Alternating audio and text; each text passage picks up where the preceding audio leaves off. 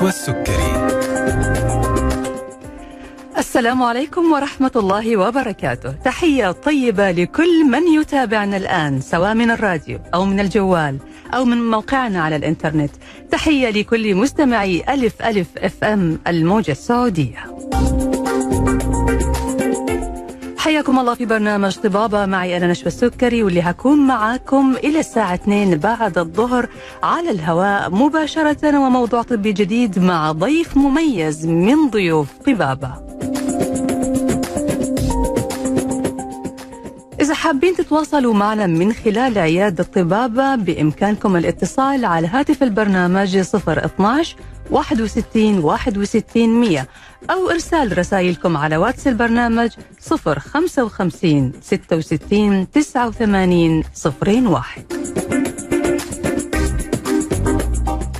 بإمكانكم كمان التواصل معنا من خلال حسابات ألف ألف FM على ال social media فيسبوك إنستغرام تويتر وحتى اليوتيوب.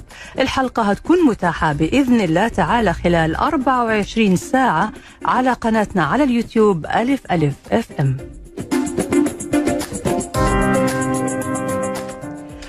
حلقتنا اليوم عن زراعة الأسنان الفورية اللي بتعتبر من التقنيات اللي انتشرت مؤخرا كبديل سريع لزراعة الأسنان التقليدية وفي حالات معينة لأنها بتحتاج لأنها لا تحتاج للجراحة.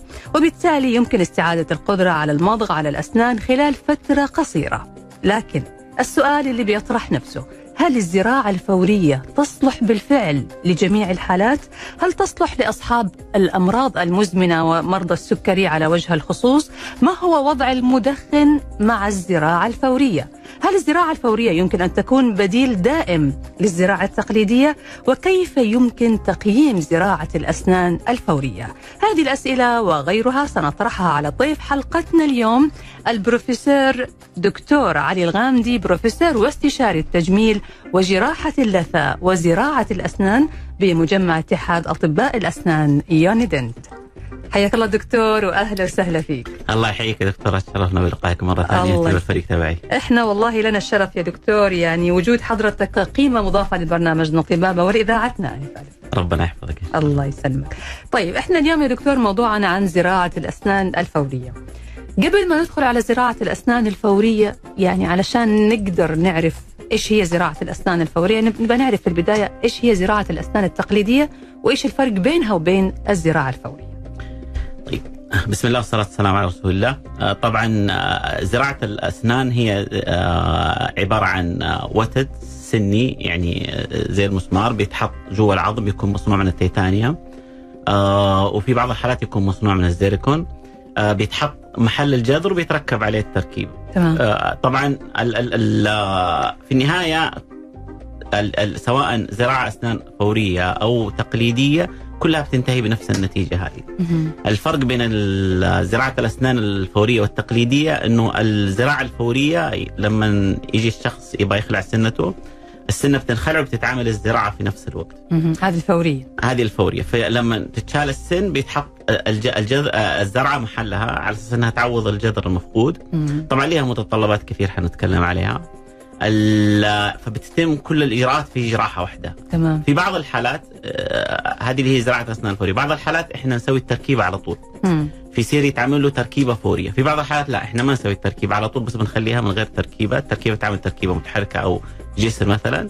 في سير إذا تعاملت مثلا مع التركيبة تصير زراعة أسنان فورية مع تركيبة فورية، أو زراعة أسنان فورية بس ما تعملت التركيبه، التركيبة تتعمل بعدين بعد ما تلتئم الزرعة إذا حالة العظم حوالين الزرع ما يسمح، إحنا برضه حنتكلم في الموضوع هذا. مم. بالنسبة للزراعة التقليدية لا إحنا بنخلع ال- السن وبنستنى ثلاثة إلى أربع شهور بعد ما يلتئم الجرح ويلتئم العظم وبعدين آه، نجي نسوي الزراعة بنفتح اللثة من جديد بنسوي عملية ثانية ونحط ال- الزرعة برضو في بعض الحالات بنحط التركيبة على طول تركيبة مؤقتة دائما في. كل الحالات لما تتحط الزرعة. وفي بعض الحالات لا بنخلي التركيبة بعدين برضو على حسب حالة العظم وعلى حسب حالة المريض. هل دكتور نعتبر هنا الزراعة الفورية مرحلة من مراحل الزراعة الدائمة ولا هي يعني عمل وتكنيك مستقل بذاته؟ لا لا هي كل في كلتا الحالتين الفورية والتقليدية الاثنين دائما تعتبر يعني هي زرعة دائما بتجلس طول عمر المريض إن شاء الله إذا المريض اهتم فيها وحافظ عليها.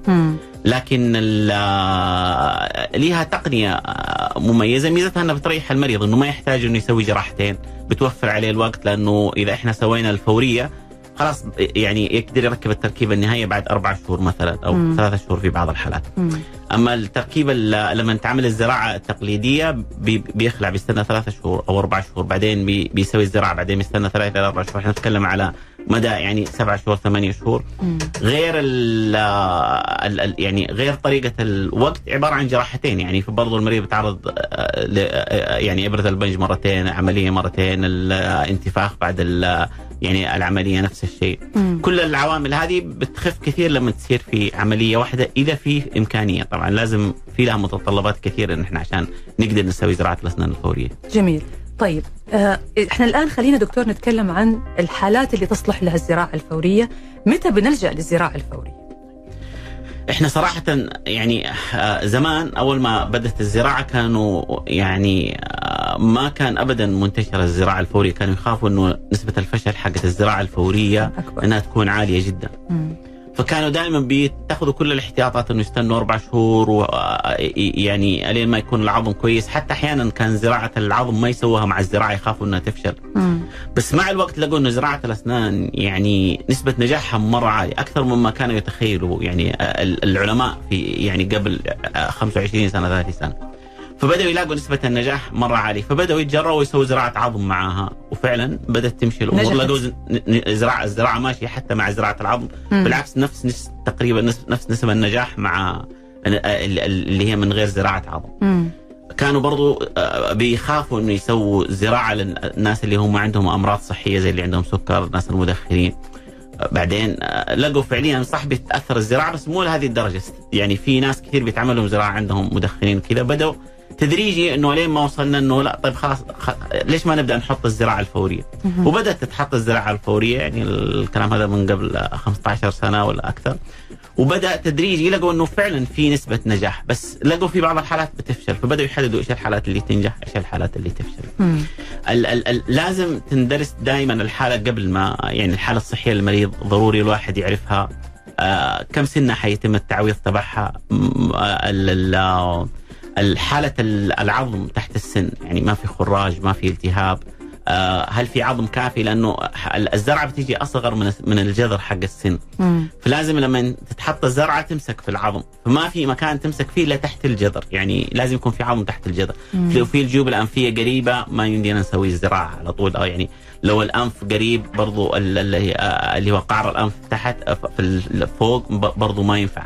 لو العصب حق الفك في ال- اللي تحت قريب برضو ما ينفع. فلازم يكون في عندنا عظم كافي إنه يتحط الزراعة وبرضه ما يكون في التهابات تحت السن ما نقدر نعالجها عشان برضه يساعد على زيادة نسبة النجاح حق الزراعة. جميل. طيب نبدأ يا دكتور الآن ناخذ آه، طريقة العلاج أو الخطة المتبعة في الزراعة الفورية. لما بيجي لحضرتك مريض حضرتك بتشوف إنه فعلا يصلح للجراحة هذه أو عفوا للزراعة الفورية وفي ناس تلاقيه لا ما يصلح. ما تنفع معاه فبرضه نبغى نعرف طيب نتكلم عن الحالة الصحية ونتكلم على ال- الإشاعات مثلا يعني اي اي اي حالة. ناخذ الأول. مين اللي تلاقي لا ما ينفع معاه وبعد كذا ندخل كيف يتم عمل الزراعة الفوريه طبعا إحنا زي ما قلنا لازم نحدد هل هي زرعة ولا عدة زرعات، دائما لما يكون عدة زرعات مثلا المريض حنشيله أسنانه كلها ونسوي له زراعة للفك كامل بنبدأ ندور على الأماكن اللي موجودة في الفك اللي إحنا نقدر نحط فيها الزراعات الفورية، فاحيانا بن يعني بنخلع الأسنان على طول للفك كامل وبحط الزرعات للفك كامل. بختار الأماكن اللي العظم يكون فيها كويس. ست زرعات مثلا تعوض الأسنان كلها بحيث إنه آه، هذه كافية. فنختار الأماكن اللي ما فيها التهابات، الأماكن اللي يتوفر فيها العظم الكويس ال- اللي ما فيها مشاكل. ونقدر نحط الزراعة الفورية في حالات اللي هي الفك كامل دائما بنحاول كثير. ودحين صار بنسوي حالات كثير اللي هي زراعة أسنان فورية لمعظم الحالات. وإذا ما كان في إمكانية معظم الزرعات تتحط حيتحط مجموعة من الزرعات والاماكن الباقيه تحط فيها زراعة عظم أو كذا. بالنسبة لما يكون زرعة زرعة واحدة أو زرعتين لا هذا يختلف شوية لأنه بن لازم لما في عندنا خيارات ما في إلا المكان هذا اللي بنحط فيه الزرعة. صح. فنبدأ نفكر هل ينفع في المكان هذا نسوي الاشعه المقطعيه زي ما قلنا نشوف العظم تحت السن هل هو كافي ولا ما هو كافي؟ مم. آه، هل في إمكانية ان تحط الزرعة من غير مشاكل؟ هل حتكون ماسكة الزراعة؟ لأنه اذا أحيانا يكون الجذر عريض وطويل ما يكفي إنه لو حتى حطينا زرعه ما حتمسك حتفشل أكيد.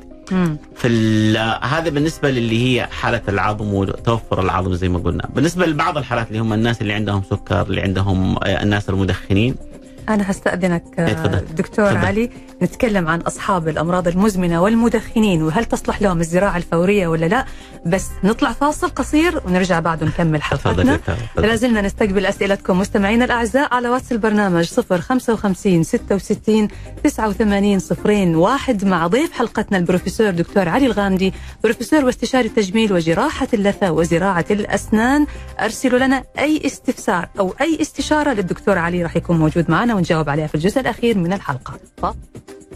فاصل ونواصل.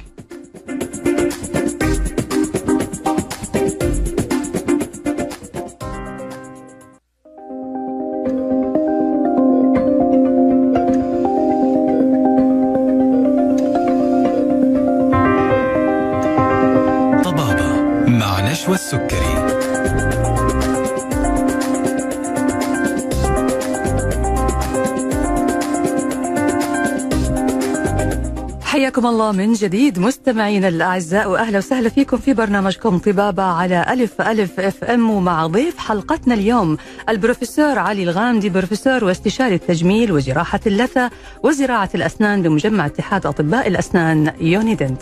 موضوعنا اليوم عن زراعة الأسنان الفورية وبنستقبل أسئلتكم على واتس البرنامج 055 66 89 صفرين واحد. أرسلوا لنا وهنجاوب إن شاء الله الدكتور طبعا على أسئلتكم واستفساراتكم في الجزء الأخير من الحلقة.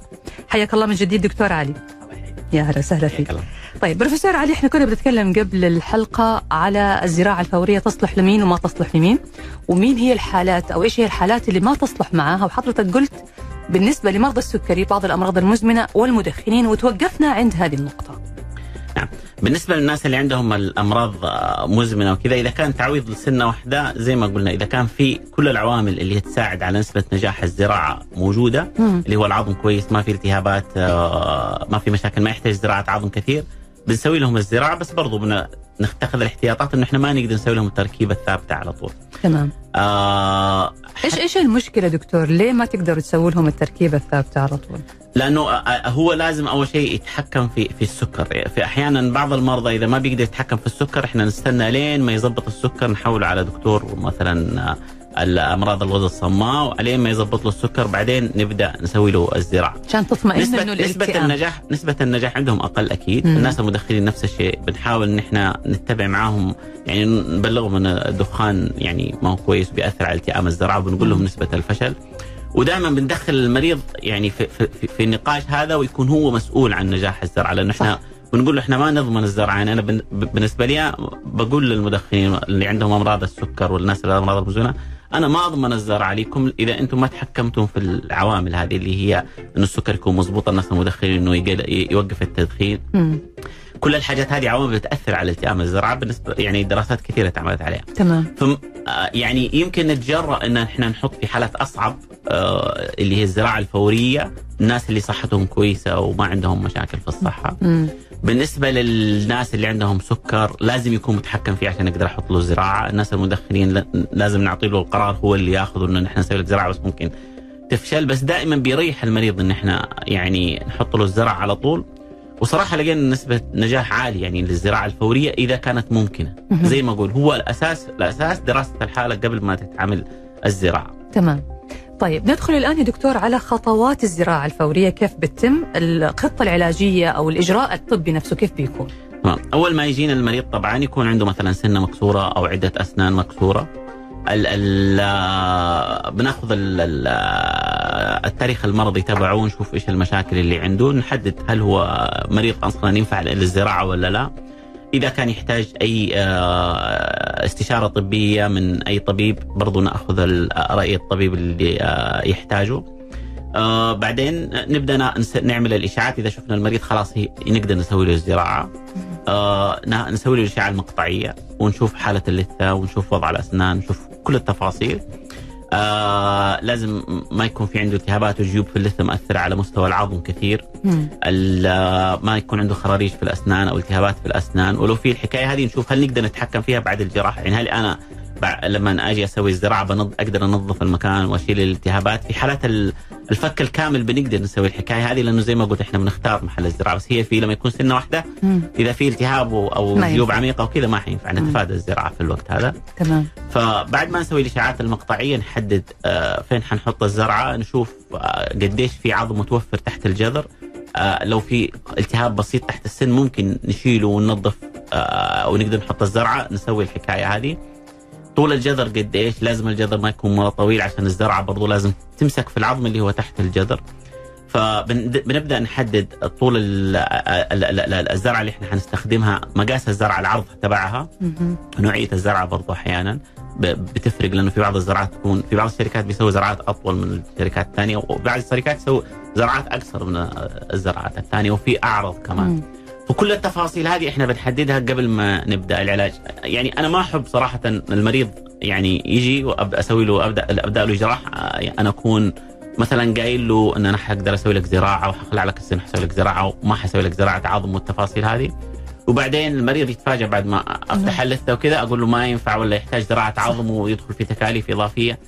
لازم المريض يكون عارف إيش النسبة اللي إحنا. نقدر نحط فيها الزراعة إذا إحنا نقدر فعلا لازم نقول له إن إحنا نقدر مم. إذا ما نقدر لازم نقول له على أي أساس إحنا حنحدد الحكاية هذه يكون المريض عارف قبل ما نبدأ إحنا لأنه في مفاجآت بتصير أحيانا لما نيجي نخلع السن يكون خلع السن مرة صعب أو يكون ينقلب إلى جراحي في وقتها نبدأ نتفادى ال- ال- اللي هي الزراعة لأنه خلاص العظم تعب يعني إحنا تعبنا العظم إحنا بنشيل السن فما نفضل إن إحنا نسوي زراعة حتى لو كان وقتها ممكن يكون الزراعة ممكنة في بعض الحالات. أنا كنت هسأل حضرتك تحديدا على هذه النقطة يعني أنا أعرف أنه في الزراعة التقليدية آه لازم يكون في كمية عظم تسمح علشان تزرع الوتد هذا وتحطه ويلتئم عليه العظم كويس وبعدين تركب تعمل التركيبة والتلبيسة والأشياء هذه. لكن في الزراعة الفورية إحنا ال- الضرس دوب انشال دوب انخلع فاوريدي العظم موجود ومتكامل. فكنت هقول ليش ليش ممكن تكون خايف من مشاكل العظم يعني هنا لا هو أصلا يعني كثير من الأسنان اللي زي كذا بتنخلع بيكون العظم اللي من برا بالذات بيكون مرة رقيق مم. لما يكون رقيق يكون ما إحنا نعرف إنه لما تتحط الزرعة ما بيكون ولو خصوصا لو اتحطت بزاويه ما هي مضبوطة أها. العظم هذا يدوب يروح وتبدأ تبان أطراف الزرعة أها. تبين الزرعة من يعني يصير المريض يبتسم تبين اللثه يبين الزرعة لونها من تحت التر... من تحت وبالذات في الاسنان الاماميه مشكلة كبيرة. أكيد. مم. فلازم يعمل الشخ... يعني الدكتور احتياطاته على الحكاية هذه هل العظم هذا كافي أو أسوي زراعة عظم مع الزراعة؟ ال... ال... دائما دائما بدون استثناء الزراعة الفورية أصعب بكثير من الزراعة التقليدية. مم. أصعب بكثير بتحتاج مهارة. صحيح. حتى زاوية الزراعة وكيف تتحط دائما بيكون لما إحنا نحفر بالدريل دائما بيكون التوجه حق ال... إنه الج... الزرعة هذه ال- الوتد ينزل في نهاية الجذر. أحيانا لما ينزل في نهاية الجذر يخرج برا العظم يعني فلازم الدكتور يكون حريص إنه كيف يسوي الزراعة ويكون عارف كيف يحط الزاوية. آه في بعض الحالات إحنا بنستخدم الدليل الجراحي اللي هي على أساس إن إحنا نحدد بالضبط الزرعه فين تروح. الدكتور لازم يكون عنده مهارة كافيه وعارف إيش إيش بيسوي مم. ومرة مهم الدكتور لازم يكون في وقت الجراحة يعرف إنه متى يقول أنا لازم أوقف خلاص. يعني هذه مرة مهمة. القرار هذا مهم في وقت الجراحة.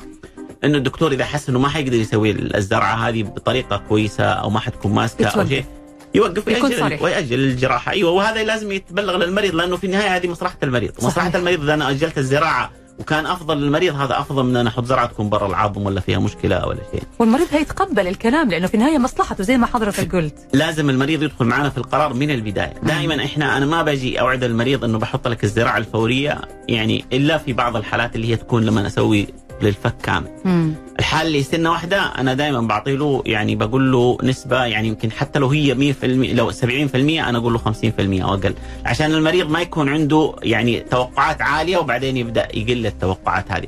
حتى لما أجي أقول للمريض إن أنا بسوي لك تركيبة فورية بعد الزراعة ما بعطي له يعني ما بعطي له يعني آه، أمل مرة كبير. بكون مجهز تركيبة متحركة احتياطا آه، البديل دائما لازم يكون موجود.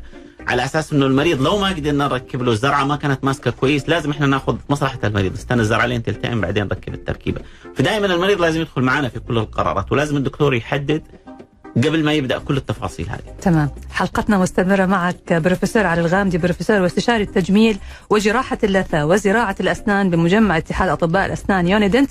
هنرجع بعد الفاصل وعندنا لسه أسئلة كثيرة لك يا دكتور وكمان أسئلة المستمعين اللي بنستقبل أسئلتهم على واتس البرنامج 055 66 89 01 وفاصل ونرجع لكم نكمل حلقتنا.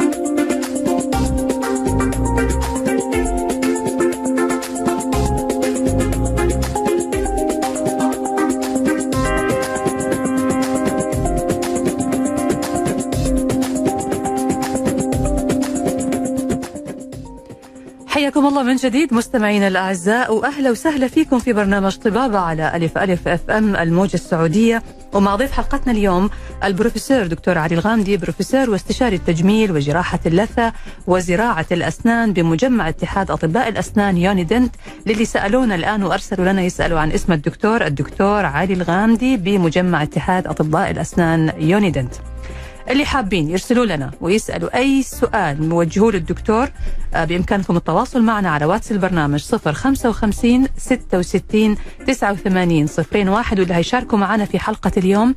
الدكتور إن شاء الله راح يقدم استشارة مجانية لأحد المشاركين معنا وأحد مستمعي ألف ألف وتحديدا برنامج طبابة. حياك الله من جديد دكتور. الله يحييك دكتور حياك الله. طيب دكتور آه، كنا بنتكلم طبعا قبل الفاصل على الإجراء أو خطوات عمل الزراعة الفورية وصلنا عند يعني وضع الزرعة في ال- في اللثه بعد كده إيش بيتم يا دكتور؟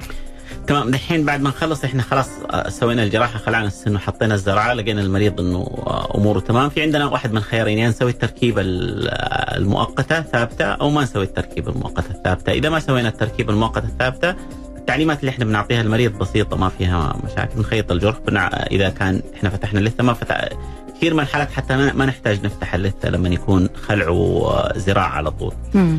ال- بنعطي التعليمات للمريض إنه ينظف المكان يهتم فيه. طبعا ما بيستخدم الفرشه ال- الأسنان اللي مجاوره بي بس بيستخدم إحنا بنعطي له آه، الشاش بس يحطه في المضمضه ويمسح المكان يهتم في نظافته عشان ما يتراكم الأكل عليه. مم. ما يأكل على المنطقة هذه. تعليمات بسيطة صراحة ما تحتاج أي إجراء. ال- ال- التعليمات الأهم اللي هي لما نحن نحط التركيبة الثابتة، التركيبة الثابتة بنحرص على المريض إنه أول شيء المريض لازم يفهم معانا إنه السن هذه الزرعة تحطت التركيبة تحطت يعني تغطية الشكل. ما ينفع يستخدمها للمضغ ولا شيء.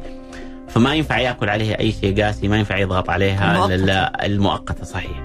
آه، حتى لو تكون للفك كامل برضو نفس الحكاية ما ما ما نحب إنه ياكل حاجات قاسية عليها. لما تكون زرعة واحدة إحنا بنحاول نتفادى إن إحنا نسوي التركيبة الثابتة إلا في بعض الحالات اللي إحنا نحس إنه المريض يعني مثقف ممكن ما يعني يقدر يتعاون معانا لأنه ممكن لو أكل شيء قاسي عليه مرة واحدة ممكن تفشل زرعه تفك وتطلع من العظم. مم. لأنه ما حوالينا عظم ماسك كثير تأخذ فترة لما تلتئم كم تأخذ يا دكتور وقت؟ من شهرين إلى ثلاثة شهور تبدأ الزرعة تكون ماسكة يعني تبدأ تتحمل اللي هي ال- ال- ال- ال- المضغ بس في يعني أول شهر تكون الزرعه في أضعف حالاتها. أول مم. شهر هو دائما بيكون العظم بيذوب تدريجي في البداية بعدين بيبدأ يتكون بعد يعني ستة أسابيع يبدأ يتكون حوالين الزرعة أكثر يكون أقوى. تمام. في خلال الفترة هذه المريض لازم ما يمضغ عليها ما يأكل أي يعني ما يأكل أي شيء قاسي يحاول يتفادى السنة هذه. بالإضافة إلى النظافة والاهتمام فيها، الناس اللي عندهم مشاكل صحية لازم يحافظ على نسبة السكر. المدخن نقول لهم لا تدخن خلال الفترة هذه وقف التدخين نهائي. والحمد لله في بعض الناس والله يستمعوا لما بالذات الناس اللي يجوا للفم كامل في كثير منهم يعني المرضى اللي عندي وقفوا تدخين. لما نقول له ما أقدر أسوي لك زراعة أو صعب إن أسوي لك زراعة. خلاص. أو طب. انك أنت مثلا حتدفع مبلغ كبير عشان تسوي زراعة بعدين تفشل من التدخين. إيش؟ استفدنا؟ صحيح. فبرضه إذا دخل معانا في القرار بيساعد الشيء هذا أكيد إنه يساعد على الالتئام الزرعوي انه على الديمومة حقتها نتيجه فتره مهم. حضرتك ذكرت في الحوار دكتور علي إنه ممكن يصير في تركيبة فورية؟ أو ممكن يتحط شيء مؤقت وبعد كذا يجي المريض مرة ثانية عشان يصير في التركيبة الثابتة. هذه. الاودان ليش يا دكتور؟ اذا إذا الزرعة ماسكة كويس في العظم وهي آه، مثلا زرعة واحدة آه، ممكن نسوي تركيبة عليها. بنحاول نتفادى الحكاية هذه في الزراعات الواحدة لأن نسبة الفشل أعلى لأن هي زرعة واحدة ممكن أي أكل عليها يأثر عليها. مم. ممكن بالغلط المريض يأكل عليها. فاذا بس إذا الزرعة ماسكة كويس والمريض لقينا إنه ممكن يعني مثلا في الواجهة ما بيعض عليها المريض فهم إيش المشاكل اللي ممكن تحصل وكثير مرضى صراحة بيفهموا الحكاية. هذه بنبدأ نسوي لهم الإجراء إن إحنا نسوي لهم التركيبة. مم. إذا العظم ضعيف حوالين الزرعة ابدا ما ينفع إن إحنا نسوي له التركيبة الثابتة. مم. إلا في الحالات اللي هي آه، مثلا لكامل الفم. تمام. الزرعات اللي كامل الفم أغلب الحالات إذا العظم كويس في بعض الزرعات نقدر نستخدم الزرعات هذه لعمل التركيبة الثابتة. فإحنا بن بنخلع الاسنان وبنحط الزرعات ونسوي زراعة العظم وبنختار زرعات مثلا كلها أو جزء منها. على أساس الدكتور تبع التركيبات يجي يأخذ المقاس بعدي بعد الجراحة على طول. في نهاية اليوم المريض يتركب له تركيبة ثابتة على الزرعات. هذه هذه لأنها مشبوكة بين عدة زرعات فهي تتحمل. يقدر. يمضغ عليها المريض كذا بس ما يأكل كاملة. القاس تركيبة كامله فك كامل الفم بالكامل. ممكن في بالكامل. يوم واحد يدخل المريض وفي خلال اليوم يطلع وهو مسوي التركيبة بالكامل صحيح. أو الزرعة هذه. صحيح. وهذه يعني آه، آه، كثير صرنا نسويها الفترة هذه. ممتاز. بس لازم ندرس الحالة قبل إنه ينفع والمريض لازم يدخل معنا في القرار. هي يصير التنظيف أصعب شوية بس ال... بس صراحة كثير من المرضى يرتاحوا عليها. وبعدين يصير الاجراء كله اتعمل وقت الجراحة. إحنا سوينا ال- ال- الجراحة حطينا الزرعات آه، أخذ المقاس الدكتور. التركيب يتعمل في نهاية اليوم من غير حتى بنج لأنه بس بتتفك هي زي المسامير تتحط فوق الزرعة. مم. تتشال وتثبت التركيبة محلها بالمسامير. مم. بعدين بعد ما تلتئم لأنه هذه بتسوي تشكيل اللثه بالكامل خلال فترة الالتئام. لما يجي المريض يسوي التركيبة النهائية بعد أربع شهور ثابت ما يحتاج بنج ما يحتاج أي شيء. تتفك التركيبة ياخذ الدكتور مقاسات ويركب له التركيبة. سلام. ما في أي ألم ما يحتاج ابدا. أي يعني أي إجراء. بس بتكون أهم- أسهل وشكلا أحسن مم. ومريحة للمريض صراحة. بس هي لازم يكون الدكتور اللي هو يعني الطبيب اللي يسوي الجراحة يعرف كيف يسوي الجراحة. حتى طريقة لما نحن نجي نحفر في العظم لازم نحدد في ناس يكون عندهم العظم لين فاحنا الدر... كل زرعة لها مقاس دريل معين. فأحيانا في بعض الحالات بيكون آه، أبغى الزرعة تكون ماسكة في العظم اللين مثلا بستخدم يعني الدريلين الدريل الثالث اللي هو تبع الزراعة أنا ما استخدمه أحط الزرعه على طول. مم. على أساس انها تمسك في العظم، في الحالات هذه كلها لازم يعني يكون خبرة عند الدكتور إنه يقدر يساعد إنه على إن الزرعه تكون ماسكة كويس حتى في الحالات العظم اللي يكون ضعيف. وفعلا بنسويها والحمد لله نسبة النجاح عالية. يعني نادرا الحمد لله ما تفشل ما شاء الله. عندنا زرعه الحمد لله. بالنسبة دكتور للزرعة اللي هي الفك بالكامل هذه تصلح تصلح طبعا لكبار السن. يعني إذا كانت صحتهم جيدة وما عندهم مشاكل. لا والله حتى الناس اللي عندهم سكر بس يكون متحكم في السكر بنسوي الحالات كثير ناس ممكن. المدخنين بنسوي لهم ما في مشكلة بس أهم شيء زي ما قلنا المريض يكون معنا في القرار أنا أشوف مرة من الحاجات اللي مهمة في ال- يعني بعد الزرعات هذه ما تتعمل إذا كان في إمكانية إنها تتعمل بالذات لو قدرنا نخلي الزرعة تكون ماسكة إنه ال- ال- المريض يهتم يعرف كيف يهتم بالنظافة تبعها. وأنا صراحة المرضى هذول أشوفهم كل أسبوع.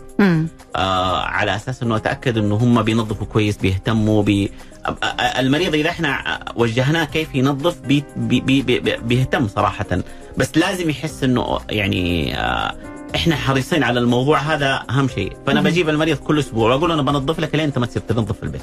ما فيها مجال لأنه خلال أسبوع بيتراكم من جيل بيجي المريض بشرح له أحيانا بعد حتى ما نركب له التركيبه نخليه يجي كل شهر مم. يسوي تنظيف بعض المرضى لا لاقي بينظف كويس بيهتم بيشرح له خلاص بتمشي الأمور وبعد بتمشي زرعه خلاص نبدأ من المدة اللي هي عشان. يسوي التنظيف في أطول. العيادة يصير فترة أطول. بعضهم بنوصل آه يعني بنبدأ بشهر أحيانا شهرين بعضهم ثلاثة شهور.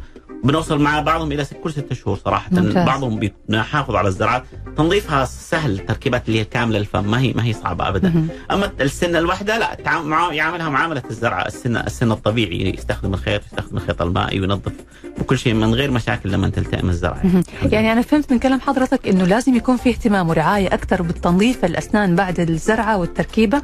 هل في حاجة خاصة لازم يعملها الشخص اللي مسوي زرعة؟ يعني دور المريض هنا مهم علشان يحافظ على النتيجة. صحيح. أنا أنا أعتقد يعني أو آه، أجزم إنه آه، مسؤولية المريض هي يعني تعتبر 50% آه، كما هي مسؤولية مسؤولية الطبيب اللي بيسوي الجراحة. مم. فأنا بسوي أحسن شيء أقدر أسويه. بجي أسوي الزراعة وبحط آه، عظم وبظبط اللثة حوالين آه، الزرعة. المريض هو اللي لازم يحافظ على الحكاية هذه لأنه أنا خلاص الموضوع خرج من يدي سويت أنا كل شيء أقدر أسويه. إذا المريض حافظ على النظافة حقت الزرعة والاهتمام فيها وبينظف دائما وما بيخلي الجير يتراكم عليها وبيجي الزيارات الدورية يتعمل له إشاعة نتاكد إنه ما في مشاكل. دائما المرضى هذول بيكون ما عندهم مشاكل صراحة. وبنشوف بعضهم يعني وصلت إلى 15 سنة وأكثر ما عندهم أي مشكلة في الزرعة والزرعة تبقى زي ما هي ولا فيها أي مشاكل. الأسنان اللي جنبها تتكسر نلاقيها وتفشل وتطيح ونلاقي. الزراعات ما شاء الله من ابدا شاء ما. يكون فالمريض إذا بدأ يهتم على الزراعة ما حيكون إن شاء الله أو حيكون يعني حتى لو يكون في مشاكل بسيطة ونقدر نعالجها آه، لكن لو طولت المدة لا يبدأ يصير في مشاكل. جميل. حلقتنا مستمرة معك بروفيسور علي الغامدي بروفيسور واستشاري التجميل وجراحة اللثة وزراعة الأسنان بمجمع اتحاد أطباء الأسنان يونيدنت. بعد الفاصل إن شاء الله يا دكتور هنرجع علشان نجاوب على أسئلة المستمعين اللي جاتنا.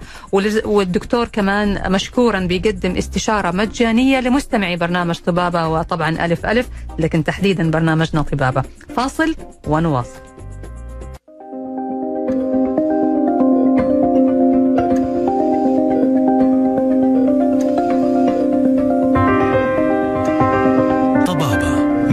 مع نشوى حياكم الله من جديد مستمعينا الأعزاء وأهلا وسهلا فيكم في برنامج طبابة على ألف ألف FM مع ضيف حلقتنا البروفيسور علي الغامدي بروفيسور واستشاري التجميل وجراحة اللثة وزراعة الأسنان بمجمع اتحاد أطباء الأسنان يونيدنت. حياك الله من جديد دكتور علي. الله يحييك دكتور. الله يسلمك. طبعا مستمعينا لازلنا نستقبل أسئلتكم على واتس البرنامج 055 66 89 01 وهنبدأ في الجزء الأخير من الحلقة نجاوب على الأسئلة ومعنا اتصال من أبو أحمد ونقول ألو يا هلا وسهلا. السلام عليكم. عليكم السلام حياك الله أخوي تفضل. الله يحييك. أولا مساء الخير لاذاعتكم وللدكتور الله يسلمك مساء النور. استفساري بسيط بخصوص ال- الزراعة الفورية. الزراعة أنا الفورية. عندي إي أنا عندي حالة مم. إنه الأسنان آه، آه، أكثر أكثر الأسنان متسوسه. آه، من عمر صغير. مم. يعني حتى الكبر. فحولنا لتركيبات. سوينا تركيبات آه، في إحدى الدول. آه، التركيبات هذه أثرت الآن إنه في فراغات آه، نفسها في التهابات في اللثة. يعني حتى صار جرح في اللثة فاضطرينا نسوي له جراحة. لأنه التركيبات ما تقدر تنفتح لأنها كاملة. إنها تركيبات أسنان على نفس السن بالغرض. والأسنان جدا جدا جدا صغيرة يعني يا دوب تمسك. فإحنا بنتوجه للزراعة ومترددين هل الزراعة آمنة في هذا الشيء حتى والأسنان صغيرة؟ آه، هل بتسبب آه، التهابات في اللثة؟ هل تتعامل معاملة الأسنان الطبيعية زي ما قال الدكتور قبل الإعلان آه، بنظافة الجير آه، آه، أهم شيء نظافة الجير لأنه سمعت إنه عادي تستخدم ال- الخيط ال- التفريش العادي يعني كمعاملة الأسنان بس التنظيف بالجير. هل تتعامل معاملة الأسنان الطبيعية ولا لا؟ تختلف؟ تمام. تمام. في أي استفسار يا دكتور؟ لا لا تمام. تمام كده؟ واضح. طيب أبو أحمد الدكتور هيجاوب عليك إن شاء الله. وألف سلامه عليك. طيب ألف سلامه أبو أحمد. بالنسبة للتركيبات اللي اتعملت طبعا آه، زي ما قلنا كثير من الناس يتوجهوا يسووا تركيبات أحيانا برا المملكة بيروح مشكلة إنه في كل مكان في العالم في دكاترة كويسين ودكاترة ما هم كويسين. فكثير من الناس يروح يدور على إنه إيش أرخص شيء أنا أقدر أسوي فيه العلاج ويروحوا للدكاتره يكون ما هو كفء أو ما هو كويس فبيقدروا يسوي له أي علاج بتسوي مشاكل تحت الأسنان. دائما التشخيص صراحة أنا أشوفه أهم من العلاج واختيار الدكتور هو أساسي عشان العلاج. كثير من المرضى يعني نعرف إنه إحنا قلنا المادة أساسية لكل واحد، أحيانا في بعض الناس ما يقدر إنه ي- يعالج أسنانه بس يعني الدولة حفظها الله وفرت يعني مستشفيات يعني آه، سواء حكومية سواء مستشفيات تبع وزارة الصحة أو الحراسة أو العسكري. صراحة كلها فيها دكاترة أكفاء وبيعطوا علاج آه، يعني ممتاز. آه، صحيح المشكلة في المواعيد بس خلاص يعني اللي ما يقدر يتحمل التكاليف تبع الزراعة وزي كذا ممكن يروح الأماكن هذه لأنه صراحة العلاج اللي فيها ممتاز. لكن بعيد وبزيد. وكثير من الناس بيسافروا برا بيختاروا يروحوا للدكاترة الأرخص. مو هذا العلاج. ابدا هذه حتدخلك في مشاكل حتسوي لك مشاكل على المدى البعيد حتكلفك أكثر بكثير عشان تصلح المشاكل اللي صارت. من إنك أنت تبدأ بعلاج صحيح ومن من غير مشاكل. بالنسبة للتركيبات ممكن تتشال التركيبات اللي عندك. لازم يعني تزور عيادة يكون فيها دكتور كويس يشوف لك التركيبات. يسوي لك إشاعات مقطعية يشوف هل في إمكانية الزراعة أحيانا يكون في التهابات آه، أسنان اللي هي الباقية هذه ممكن تحتاج شيء هل هي نقدر نحافظ عليها؟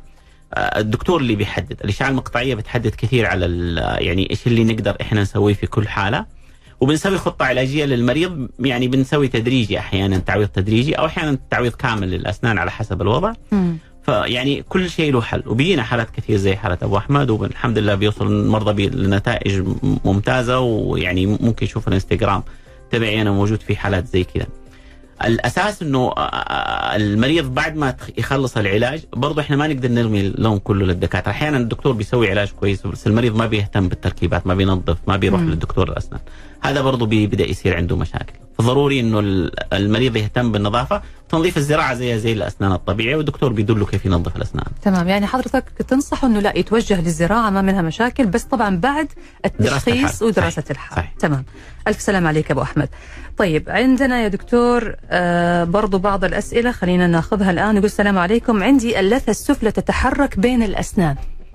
اللثه السفلى لما تتحرك بين الأسنان معناتها غالبا يكون في جير موجود بين الأسنان فلازم يعني آه، يروح دكتور لثة يسوي له تنظيف عميق أحيانا في المنطقة هذه على أساس اللثة ترجع تلتصق في السن، هذه تصير كثير في الأسنان السفلية. طيب في سؤال ثاني من أحد الأزواج ويعني هو حريص على زوجته صراحة إحنا بنشكره والله على هذه المبادرة. يقول السلام عليكم. هو كان يسأل برضو على اسم الدكتور واسم العيادة. الدكتور علي الغامدي بمجمع اتحاد أطباء الأسنان يونيدنت يقول كيف أقدر أحصل استشارة لزوجتي تحتاج زراعة أسنان لجميع أسنانها؟ وضعها جدا صعب بسبب التسوس وهي بعمر صغير. يجينا حالات كثير صراحة زي كذا. إن شاء الله كل شيء محلول ما في شيء إن شاء الله. يعني ربنا ييسر الأمور. آه، الناس اللي في السن الصغير يكون صحته كويسة ما عنده مشاكل. بالعكس بيكون يمكن نسبة النجاح الزراعة أفضل. وممكن يتعمل لهم زراعة. ولو في أسنان نقدر نحافظ عليها بنحاول إحنا نحافظ على الأسنان أكثر من إحنا نحاول إن إحنا نخلع الأسنان. إحنا ما بنحاول نشيل الأسنان اللي هي كويسة أو نقدر نحافظ عليها. مم. دائما الغرض تبعنا إن إحنا نحافظ على الأسنان مو إن إحنا نشيلها إلا إذا خلاص السنة ما عاد ينفع يعني تسوس وصل تحت العظم وكذا. وقتها إن إحنا نخلع الأسنان. الزراعة ممكنة بس لازم تدرس الحالة أساسا. تمام. طيب عندنا سؤال من أم فهد. حياك الله يا أم فهد. تقول السلام عليكم. أنا عاملة جسر في الفك السفلي الآن له سبع سنوات. مرة يألمني. وحاساه ضاغط على اللثة فهل هو سبب في بروز الفك العلوي؟ وهل خروجه سهل؟ هم حطوا له غرة وشكرا لكم. أنا عمري 49 سنة وعندي سكري من الدرجة الثانية. ألف سلامة يا أم فهد. بالنسبة للجسر طبعا إذا هي تحس إنه ضاغط على اللثه في ألم ممكن يكون التركيبة نفسها قريبة من العظم وما هي مضبوطة التركيبة. أو أحيانا يكون العصب تبع السن هو في مشكلة وفي التهاب تحت السن لأنه أحيانا يسووا تركيبة من غير ما يسووا علاج عصب. فتحتاج إنك تتوجه إلى دكتور آه، علاج عصب أو استشاري تركيبات أو حتى طبيب أسنان يكون كويس. شيل الجسر ما هو شغلة صعبة هم يقصوه يشيلوه يعني ما هي مو مو, مو صعب ابدا. وبعدين يحددوا إيش العلاج اللي بيصير. هل يحتاج الجسر تغيير؟ هل الاسنان هذه كويسة؟ وضعها كويس؟ ما فيها تسوس تحت التركيبة. أحيانا لما يجلس الجسر زي كذا في مشاكل يكون في تسوس تحته فلازم الدكتور اللي يحدد إيش اللي ينفع. والأفضل أنا أفضل صراحة إذا في إمكانية إنه يتغير الجسر إنه يتحط زرعة محل السن المخلوع بدل وتتعمل أسنان كل أفضل. واحدة واحدة هذا أفضل كثير حتى في النظافة ما ما يضطر الواحد أي يعني كل ما يصير في مشكلة يشيل الجسر هذا كله ويعيد كل شيء من جديد. مم. طبعا أنا بس حابة أنوه برضو للمستمعين إنه في بعض الحالات أو بعض الاستفسارات الدكتور بيجاوب عليها بشكل عام لأنه لازم يشوف الحالة بنفسه وفي أشياء ما تكون واضحة إلا من خلال أشعة ومن خلال الفحص الإكلينيكي في العيادة عشان يقدر يحدد فين المشكلة بالضبط. فيعني دائما الدكتور ينصح في كل يعني في كل استشارة إنه لازم الفحص علشان نقدر نعرف المشكلة من فين جاية بالضبط. فألف سلامة طبعا على كل اللي بيتواصلوا معنا وبيطلبوا الاستشارة.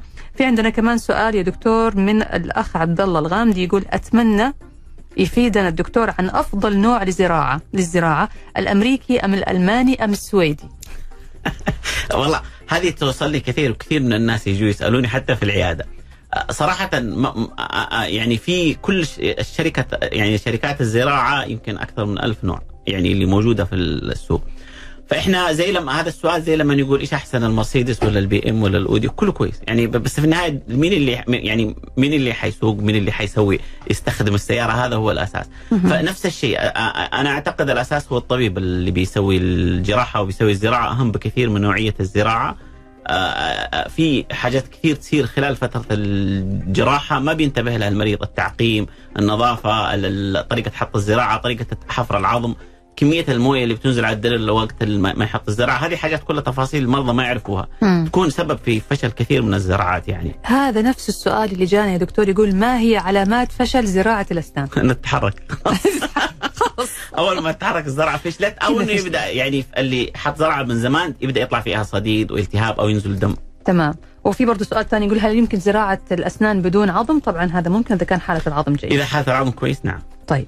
آه في سؤال يقول بالنسبة للجيوب اللثوية بين الأسنان ما هو أفضل تعامل للتخلص منها وهل الجهاز المائي مناسب؟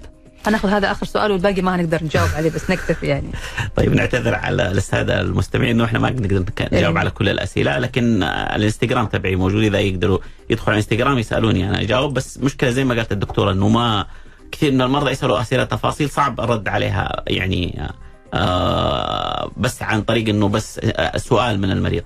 آه بالنسبة للجيوب اللثويه. آه أول شيء نبدأ بالت- بالتنظيف العميق أو يسموه تجريف اللثة وبعد كذا بنشوف المريض بعد ستة أسابيع أربع ستة أسابيع نعمل له جراحة إذا يحتاج جراحة وممكن ممكن يستخدم الخيط المائي بس لازم يكون استخدامه صحيح لأنه. إذا وجهه جهة الجيوب اللثويه ممكن يدخل الأكل جوا الجيوب يسوي مشكلة فهو العكس لازم يكون عكس يعني يرفع لفوق مم. فلازم يعرف الشخص كيف يستخدم الخيط المائي ضروري. تمام يا دكتور.